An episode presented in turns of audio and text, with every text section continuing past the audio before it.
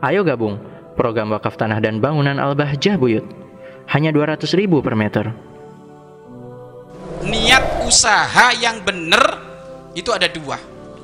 Yang pertama, niat mencari anugerah Allah. Niat mencari anugerah Allah. Jangan niat mencari rizki. Karena disepakati oleh para ulama, rizki itu ada dua.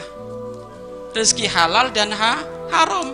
Makanya kalau ada orang, kenapa kamu kerja nyari rizki? Bisa dikirim rizki haram oleh Allah.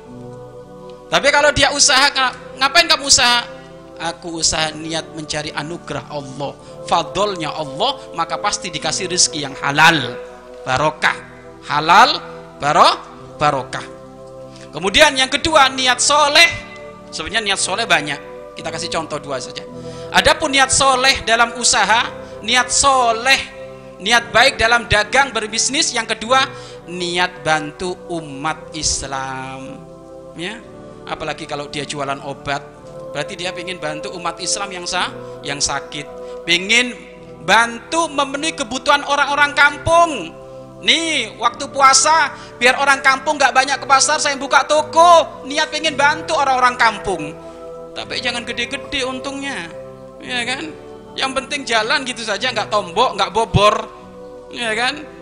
Biasanya orang pada ke pasar selana, ya Allah, pasar sana. Orang kalau sudah ke pasar itu, yang tadinya pengen satu jam ngaret, tiga jam. Kenapa? Setannya kebek di pasar. Ada set nyari, coba ke pasar mau nyari magicom. Ternyata di sebelahnya magicom ada setan dispenser, ya kan? Setelah itu ada setan kulkas.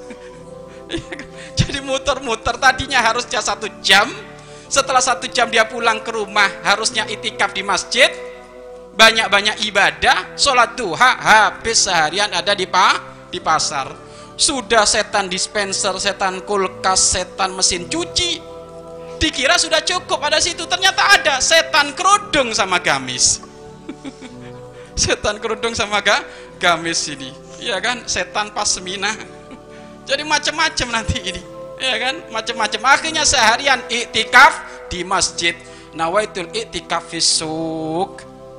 Ya ini priben kalau kayak gitu. Ya kan? Nggak bisa jadi. Akhirnya terbuang percuma-cuma eh ternyata ada seorang. Aku buka toko di sini. Aku buka toko di sini. Ini tempatnya strategis. Biar orang-orang yang dari sana nggak perlu jauh-jauh ke pasar. Dan harganya aku murahkan iya kan? Harganya aku murahkan. Beras harusnya satu karung itu 200 210 kan? 210 kilo.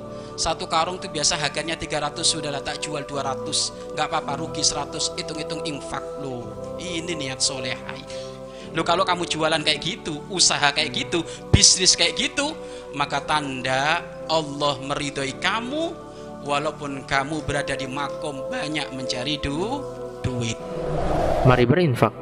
Untuk operasional lembaga pengembangan dakwah Bahjah Buyut